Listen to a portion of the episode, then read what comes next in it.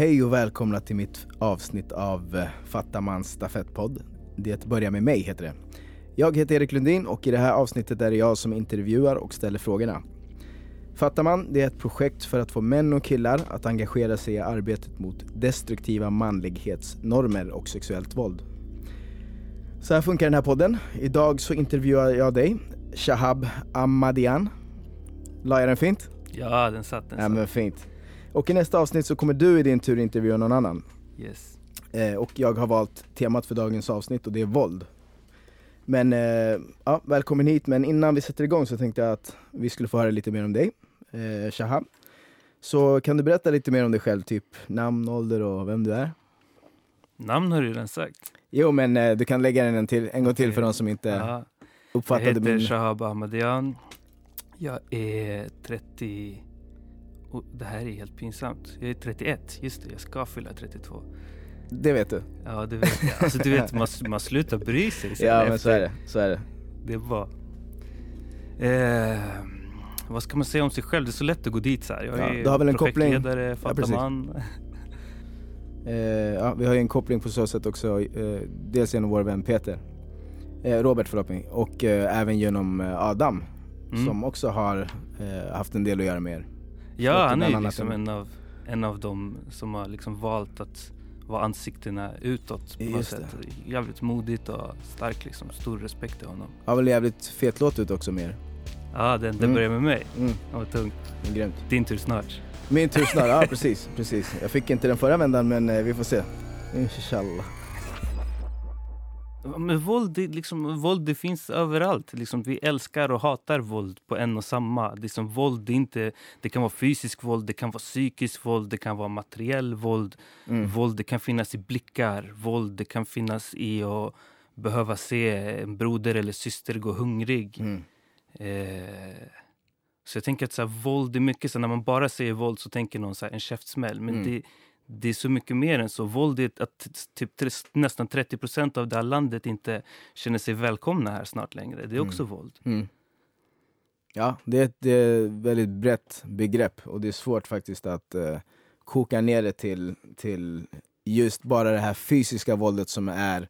När man precis, våld har blivit väldigt förknippat eh, mycket dels mot kvinnor och dels våldet som sker på stan typ. Det är mycket så, åh, åh det, våldet, det blir bara värre. Fast det, det finns ju så många lager av vad våld betyder. Jag håller med dig till 110 procent. Eh, och det det är en form av underliggande våld också, precis som du säger. Nästan 30% i det här landet känner sig snart inte välkomna här. Och det, och det känns ju hotfullt överhuvudtaget. Det är också våld. Men eh, har du själv blivit utsatt andra för våld eller använt våld? Nej, blivit utsatt själv eller utsatt andra för våld? Ja. Om du känner för att svara på den frågan. Ja, ja, ja, såklart. Mm. såklart. Vi ska, alltså, om jag tvingar andra att svara på de frågorna så... Mm. Men jag är ganska så uppväxt med våld. Mm.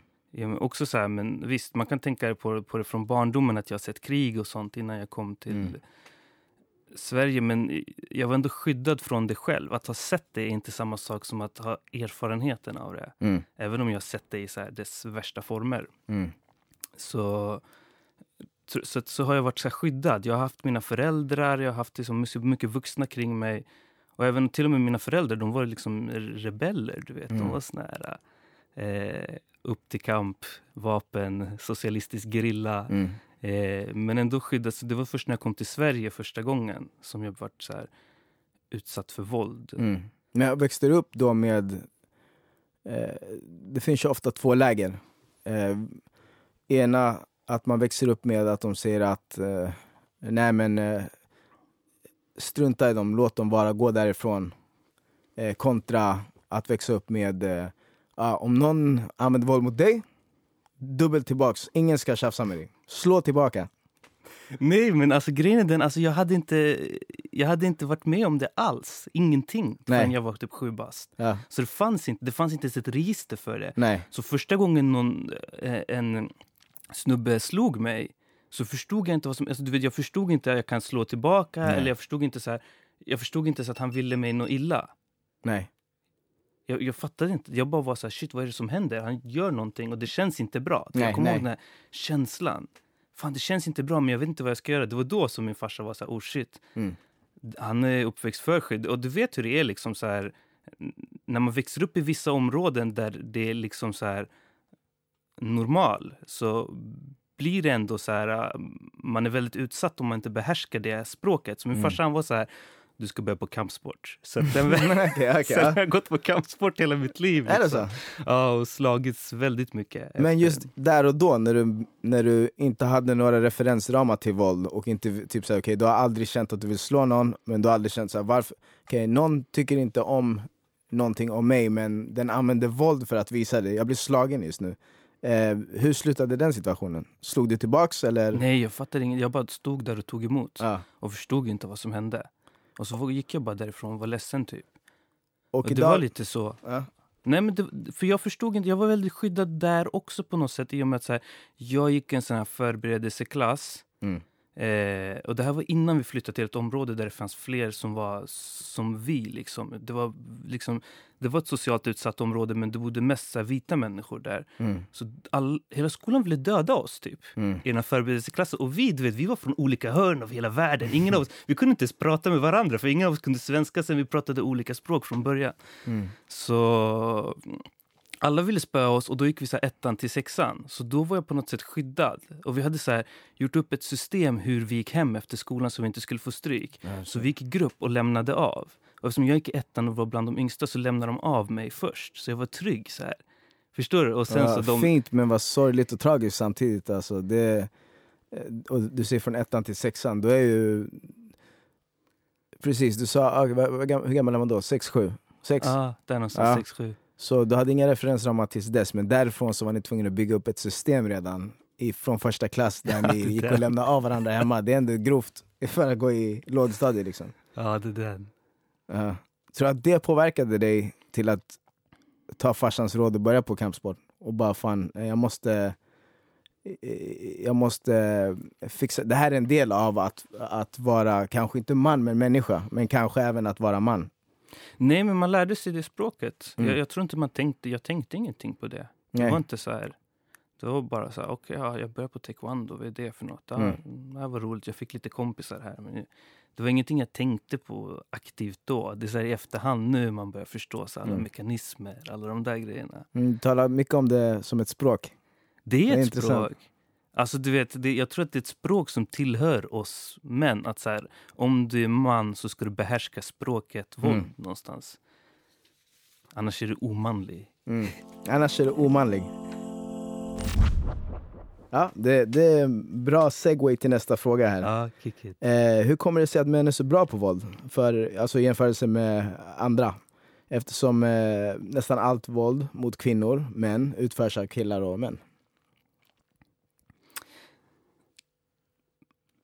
Men det, ja, den grejen att det är ett språk, tänker jag. Eh, men sen tänker jag också att det är ett sätt att ventilera. Alltså så att vi, alltså så här, hela manligheten är ett paket och att allting så här är sammanlänkat som en kedja typ. Mm. Att typ för mig var det mycket så här, man visar inte känslor. För Mm. man gör inte, vi hade inte den grejen att så här, och, och då fick man liksom hitta kanaler och ventilera ut det där. Mm. För jag fick inte vara ledsen, det var töntigt att vara ledsen. Mm. Samtidigt som jag fick inte vara glad heller, du vet. Det var också, du vet, man skulle bara vara cool. Den där stämningen av att så här, smälta in och bara vara cool. Eller, Mm. som var väldigt så här, fyrkantig sätt att vara på. Som jag tror att många män uppfattar att så här, oh shit, jag kan inte uttrycka mig. Jag kan inte, jag har ingenstans där jag kan kanalisera saker. Utan det, det då, då blir det så här att det samlas, liksom, det samlas allting här. Så här och sen Mm. det, det, det är ett sätt att få ut. Oavsett sinnesstämning, att ingen får, att det är det enda, det enda utloppet man får ge är egentligen ilska. Alltså man tänker, så ja, som men, du säger, men att jag man får tänker inte... att det är, en, det, det är som en ventil för att släppa ut allt på en och samma. ja. Är bara så, ta, ta, ta, Men varför, varför, bara, är, ah, varför är det okej för killar? Inte att, alltså generellt, varför uppfattas det som bland oss män? Om man tänker, för det, jag tycker att det är fint sagt att det kanske rätt ofta är så att man ehm, vill uppfattas som samlad och cool liksom och inte, ma, man nästan slipa ner alla uddarna av alla andra sinnesstämningar som att vara jätteglad eller att vara eh, jätteledsen och så vidare. Mm. Men, Men, känner du igen den grejen? Eller? Absolut. Ja. Um, jag vill säga att kusinen till ventilen som är ilska som man får ge utlopp genom är ju den här att vara rolig. Mm. Eh, för det är också, det, det, är väl den som är, kan du inte vara poppis genom att vara rolig så kan du vara poppis genom att vara farlig. Om man mm. säger. Det är svårt att vara poppis genom att vara ledsen.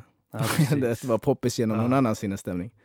Men um, um, just den här ventilen, varför tror jag att det är dit det är också en väldigt stark sinnesstämning, precis som, som överdriven glädje eller överdriven sorg. Så överdriven ilska, varför tror jag att det, att det är så? Är det det här språket som du pratade om innan? Att vi har lärt oss att det är någonting, för det får ju väldigt mycket uppmärksamhet. Eh,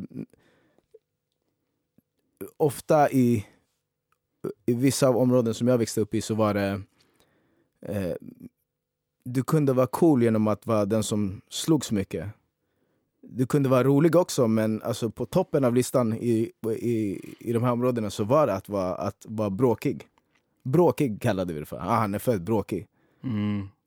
Och det var en typ en, en så här, det var någonting som ingav någon respekt. Um, att ha den där knasidentiteten. Knas alla, är, ja. alla är lite på spänn ja. runt en. Ja. Det där. Ja. Aj, akta, akta, akta, han kan flippa hur, hur lätt som helst. Det ja. Nej, det, var, det, det var ingen direkt fråga, utan det är bara så en, en eh, observation av... Ja, men jag tror också att men, men det är ett sätt att slå sig fri. Alltså, du mm. vet, att eh, den här eh, inramningen, man är så fast och så begränsad i den. Mm. Så det, det blir liksom ett sätt att slå, även om man inte vill det. Jag tror mm. att det är så här, jag har nog egentligen aldrig velat bråka. Jag har alltid så här, när någon annan har kommit och velat bråka med mig så har jag inte velat, men det har funnits någon så press att så här, ja, men, man ska så här, step it up, liksom, mm. och visa vad man går för. Eller typ när jag har, ska vara så arg på någon att jag ska slå den så har det också varit som ett så krav utifrån. Jag har egentligen inte velat göra fysiskt illa den, utan det har bara, du mm. vet, som att jag måste göra det här annars mm. är jag en tönt typ. Mm. Men samtidigt så när man väl gjorde det så var det den här ventilen att så här, det vart lite avslappnat efter. Och någonstans, precis, någonstans så blir det också... Eh, om någon gör en psykiskt illa, om man blir väldigt ledsen eh, och sätter sig och gråter, så kanske inte det anses vara lika manligt som att om någon gör mig illa psykiskt eh, och jag slår den personen, så är det mer typ såhär, jo jo men alltså, ah, du, du såg att han, han gick för långt, han gick över gränsen, det är klart han kommer slå honom. Det blir, och det blir så här, och det är manligt. Eh, på ett helt annat sätt. Och det, det är också... Det är eh, intressant att det, att det ofta kan gå åt det hållet. För till exempel när jag växte upp så... Första gången som jag hamnade... Eh, nu har jag hamnat i slagsmål väldigt sällan, som tur är i mitt liv. Men jag kommer ihåg att första gången som jag gjorde det så var det med en väldigt nära vän som, eh, eh, som kallade mig för neger. Och jag, kommer ihåg, jag läste en artikel, jag, jag, det slog mig så hårt att jag läste en artikel med Henke Larsson eh, relativt nyligen där han pratade om just den här grejen. Ja, man lärde sig att slåss för de kallar en neger typ. Mm. Och det, var, det kändes som en sån lättnad, för Henke Larsson känns som en lättsam, vet, snäll och eh, ordentlig person. Mm. Så då kändes det så, okej okay, men om han kunde flippa sådär då kan vem som helst göra det. För jag hade sån ångest efteråt, för det här var en god vän till mig. Liksom. Um, och där tog den vänskapen i princip slut. Men uh, efter att han gjorde det och uh, att jag lät nävarna tala så bara shit. Det, för det var ingen som kallade mig för det någonsin i skolan efter det. Så var det så här, shit alltså det här är ett, uh, som det så fint kallar för språk. Det här är ett språk som jag kan lära mig flytande alltså, ifall att det behövs. För det, det här vill jag, alltså jag ska, jag ska ha det bredaste ordförrådet när det kommer till den här, alltså av alla. Ingen ska kalla mig så här igen. Eh, och det var också en konstig känsla att få, för att, att efteråt känna någonting i allt det här negativa, för jag hade sån ångest efter det här. Eh, så fanns det så här, någonstans, så bara, fan, vad, i det här mörkret så ser jag det är någonting som lyser. Så här, och vad är det? Jo, men det är den här känslan av att jag kunde tala på ett sätt som fick de här känslorna som jag har varit underliggande så länge att eh, tystna. Alla de här gångerna som jag visste att folk har tänkt så eller tyckt så men inte sagt så, Så när det uttrycktes så bara, det var som att allting bara släppte, det bara svartnade typ. Mm. Ehm, och det var inte första gången jag hade blivit kallad för det, men när det kommer från en så nära vän på ett sånt sätt under de omständigheterna så var det så här, fan, då lät jag det bara ta över. Och det, jag tyckte att det var... Samtidigt som det var så keft så kändes det någonstans så här, ja men fan det här är ett sätt som man kan hantera det här på. Det är ett Och sätt vilket- att ta makt. Det är ett sätt att ta makt. Mm. Jag kan, jag, precis, jag kan dominera jag kan dominera dig genom att slå dig och få dig att inte försöka dominera mig. Mm. Det är du eller jag typ. Ja, en liten anekdot. Eh, ska vi se här. Vad är värst om du jämför med det var- vardagliga tysta våldet, alltså mobbningen i vardagen, eller misshandel på fyllan? Alltså det som inte är så rakt i ansiktet, det som man kan typ gå isär, gå emellan och stoppa här och nu så att det slutar. Mm. För även ifall att du säger åt någon som mobbar en annan så vet du inte riktigt vad det leder till eller ifall att det här våldet upphör, om man säger. Mm. Men vilket tycker du ser, alltså vilket tror du gör mest skada om man säger? Jag tänker det, det beror på vad man har för referensramar. Uh, utifrån, så här, om jag ska ta det utifrån mig själv så har jag inte så här fysiskt våld så främmande. Inte så här att jag ska så här, försöka måla upp mig själv som värsta slagskämpen hit och dit. Men Mm. jag har varit i mycket bråk när jag växte upp och mycket i sådana miljöer. eh, och liksom träna kampsport.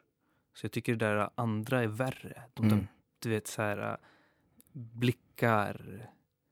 Eh, såna här. Jag kollade häromdagen på Youtube, det var så jävla nice liksom med så här kids som rasifierar sig i USA som filmar så här selfie när de går runt i affären. Mm. För att det är någon, affär, någon i affären som följer efter dem Mm. för de tror att de ska sno. Just det. Den där typen av våldet som så här det handlar om en form av erfarenhet att så här, äh, det är bara jag som ser det, det är bara jag som kan, och du vet, Mm.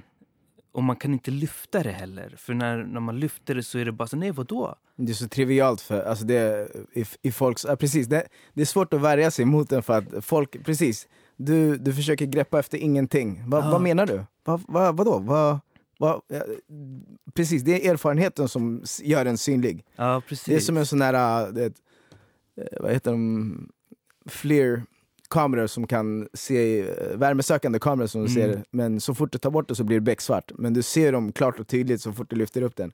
ja, och det, var tung, det var målande den där. Ja, precis. och, den, och den är så, den ger, inger så mycket hopplöshet i mitt huvud. Eh, Mm. Eftersom, Men om vi applicerar det typ så här, äh, vi säger att den är en örfil, typ. Ja. Okej? okej. Och så, så säger vi så här att eh, en person ha- har blivit uppväxt på ett visst sätt. Att så här, ja, men den är självklar i alla rum. Den är liksom så här, den menar ingenting illa när den säger si och så. Liksom. Men Mm. en annan känner så här, ja, men det är kränkande. Mm. Eh, så, som nyligen när den här um, kulturhuschefen avgick för att inte ett konstverk fick använda n-ordet. Liksom. Just det. Eh, och, och hon vart kränkt av det. Och liksom så här. Men de måste förstå att här, om vi skulle göra, säga att det där var en örfil så är Mm. det så här, det här är en människa som hela sitt, är uppväxt med att örfila människor. Så. Mm. Okej? Eh, och, och den andra som sitter i den andra positionen där man blir örfilad är uppväxt med att få örfilar hela tiden. Dash, dash. Jag får örfil, du ger örfil. Det är så den rollen vi har mot varandra. Ja. Vi har aldrig funderat över det. Men sen en dag så tänker den här som får en örfil efter lite och tänker så här, men vänta, det här är inte så nice. Mm. Och säger ifrån. Du, vet, du, så här, det, det gör lite ont att få en... Du vet, jag, jag vill helst att du inte örfilar, men jag vill inte att du gör så. Mm. Du vet. Och eftersom den här personen har blivit van att ge den här örfilen, Mm. då blir den kränkt och säger men vadå, det är så vi alltid har gjort. Exakt. Liksom. Och sen föreläser den för dig om vad yttrandefrihet är för Ja, något. men det, det är en fin bild. Ja, det är nice. Mycket nice. Det är bra beskrivet alltså. Det, det behövs inte säga så mycket mer om den utan det, är- så är det. Så Ja. enkelt är det. Du vill inte vara på den mottagande, i den mottagande änden av örfilsutdelandet utan Precis, det här är inte så jävla nice, men så kommer någon som... Och det är det som jag pratade om i förra eh, programmet, att det är inte så svårt att sluta örfila folk. men, det, men det är svårt, det är otroligt frustrerande att förklara för någon som har örfilat i hela livet att snälla, det där var sista, vi inga fler örfilar nu. Ehm, ja, grymt. Shahab everybody. Ja, Bruce Lee, det är ett bra exempel. Bruce Lee, han var, han var hjälte, alltså det var hjälten i alla filmer som Mm. slog sönder folk. Ja. Ja, Men jag tror att det där tilltalar oss, för att vi var inne på den grejen förut om att ta makt. ja. För att jag, jag tror att det, det finns många som fördömer våld helt och hållet. Mm, Och nu kommer jag svära i kyrkan och säga så här, men jag gör inte det. mm, Eh, alltså så här, jag är inte pacifist för att jag tänker så här att det, det beror på erfarenheter. Alltså vissa är uppväxta i en miljö där man aldrig behövt använda våld men där man ändå använder våld på andra sätt som inte är fysisk våld. ja. Alltså där man använder makt på andra sätt. Du kan vara makt genom att ha skitgrym utbildning, att akademisk utbildning hit och dit och säga så men jag är någon. Mm. Jag har det här, jag kan liksom använda den här härskartekniken. Jag har mycket pengar, jag har det här. Men i en position så här, i ett så här underdog perspektiv så är det så här ibland att men du har ingenting annat. Du har inte något Mm. språk som verk, alltså så här, det här, så här akademiska språket, du har inte någon flashig karriär, du har inte pengar, du, du har inget sätt att ta makt på. Så ditt enda sätt att ta makt är att använda våld, för du har ingenting annat. När du känner dig hotad så Mm. är det så här, okej, vad ska jag ta för, till för knep? Mm. Ska jag liksom örfila den med plånboken, med, min, med mina böcker eller du vet, med Mm. mitt jobb? Mm. Men du vet, om jag inte har det, då blir det den riktiga örfilen. Mm. Du, för man har ingenting annat. Och den grejen måste, man måste förstå att det också så här, det, man måste så här väva in klassperspektivet i det. Jag tycker att det där är, drar mycket paralleller till vad som händer runt om i världen eh, just nu. Ehm, om vi tänker västvärlden och hur det möts i bland annat Mellanöstern och Mm. hur det ser ut där. De som inte har någonting annat, som verkligen inte har någonting annat, det är de som som, det spelar ingen roll om de förlorar sina liv för att de har ingenting annat att slå tillbaks med. Och då tar de till med de värsta tänkbara metoderna. Eh, och det är en lång och djup och mångfacetterad debatt i sig som vi inte ska gå in på här. Men, men just det där som du säger som har med klassen att göra. Att de som kommer underifrån, som, inte, som, eh, som kommer längst ifrån botten, det är de som, där är det verkligen så. Där är det sista du tar till med. Dina ord säger ingenting, de drunknar i allt annat. Eh, dina protester gör ingenting, utan det är inte förrän du kommer med det fysiska som, som du blir tagen på allvar.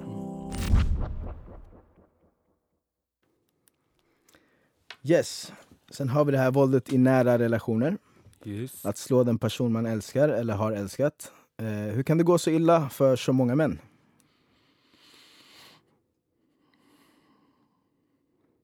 Kanske... Men det är det där, äh, jag tror det är än en gång samma. Alltså det är det här när man känner sig maktlös i en relation. Man kan inte, så, som man så har du inte lärt dig uttrycka känslor. Du har inte, så att du, du kan inte ens, och på många fall är det så pass dysfunktionellt att inte ens i ditt eget förhållande, Mm. i ditt eget hem med dina närmaste så kan du inte uttrycka känslor. Det är bara någonting som känns fel och du måste få utlopp för alla känslor. Du måste ta makt någonstans Mm. över situationen och det där är det enda språket du har för att ta makt på.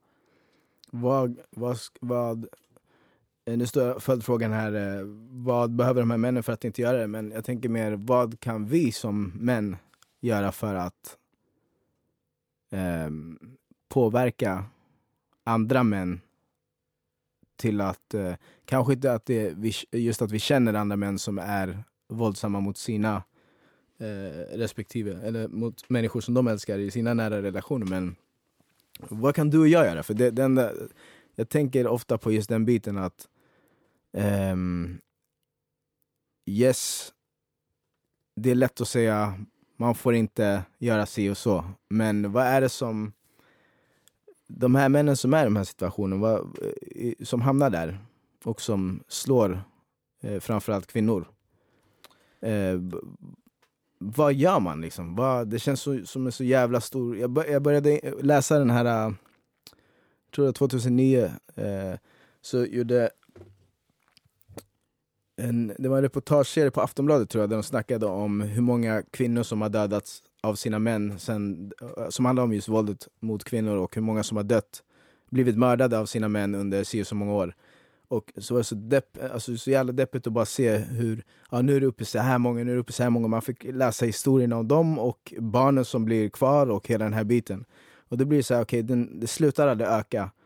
Eh, rättsväsendet kommer inte vara vägen, det kommer inte sträng, strängare straff är ingenting som kommer göra det här. Eh, som kommer göra det här bättre. Men vad kan man göra som en, som en vanlig man? Alltså ska man gå ut och predika bara rent generellt eller vad, vad kan man göra konkret tror du? Jag tycker det är en skitsvår fråga. Nej, alltså, jag tror att det handlar någonstans ändå om att börja med sig själv kring hela, alla de grejerna. Att, Mm. Och sin, alltså, ta ansvar för sin närmiljö.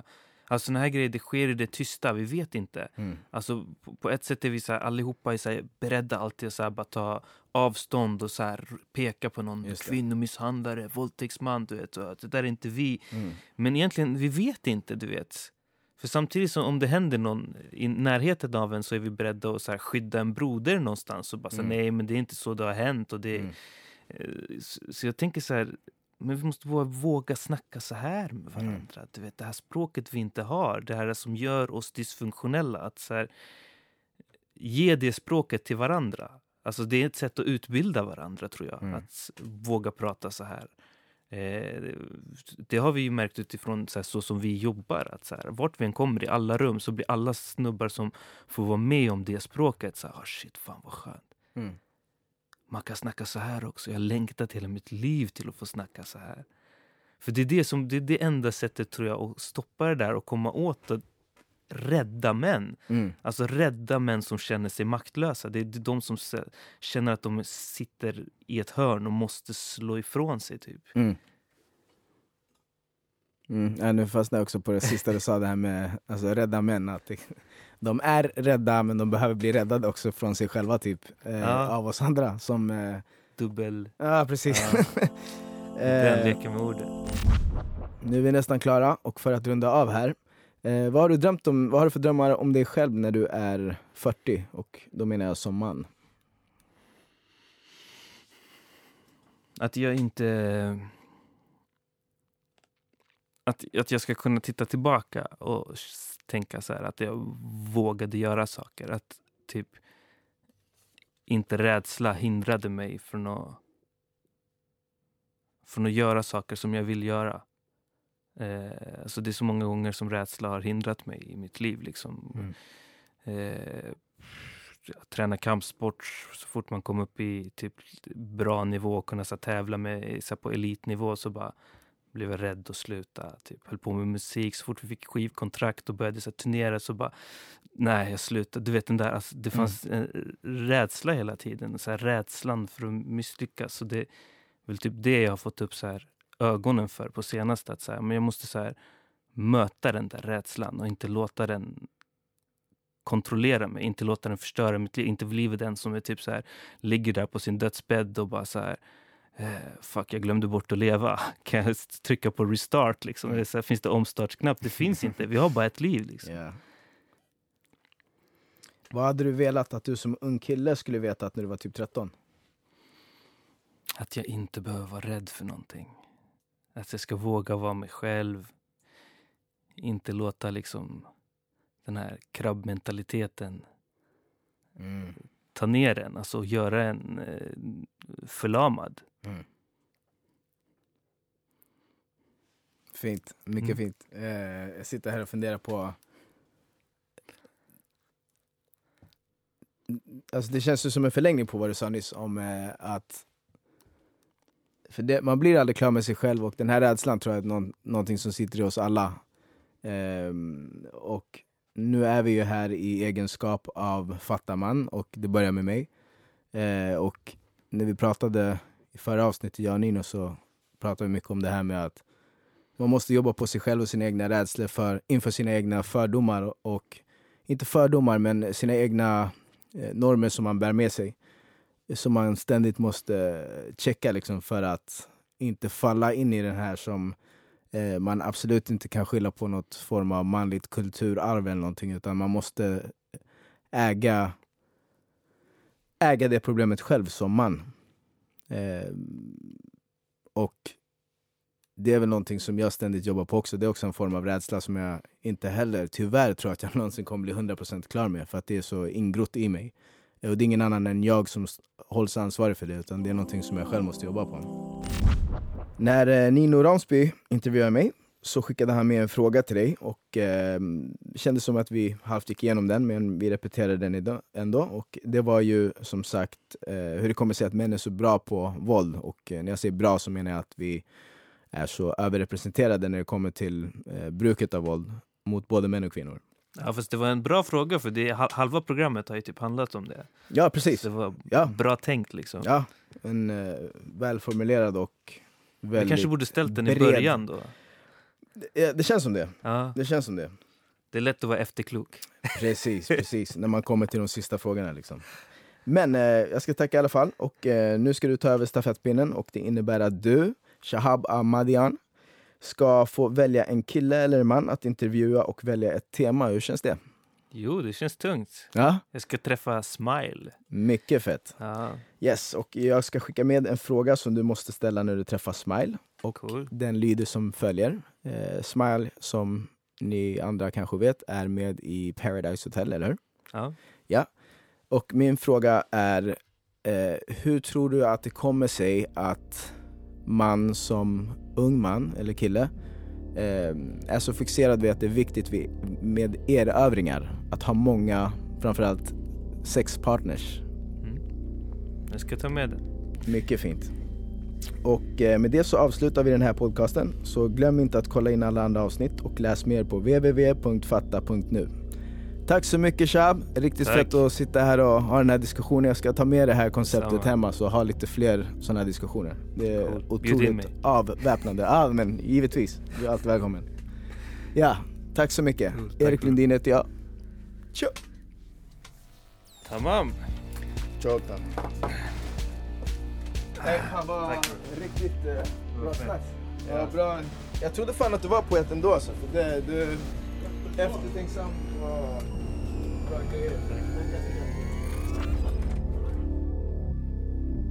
Du har lyssnat på Fattamans stafettpodd Det börjar med mig. Fattaman är ett projekt som med stöd av Allmänna arvsfonden arbetar mot destruktiva maskulinitetsnormer och sexuellt våld. Syftet med podden är att skapa mötesplatser mellan män och ge dem möjligheten att få uttrycka sig utanför den manliga boxen. Innehållet i podden behöver därför inte vara i linje med Fattamans perspektiv. Läs mer på fatta.nu. Tack för att ni har lyssnat.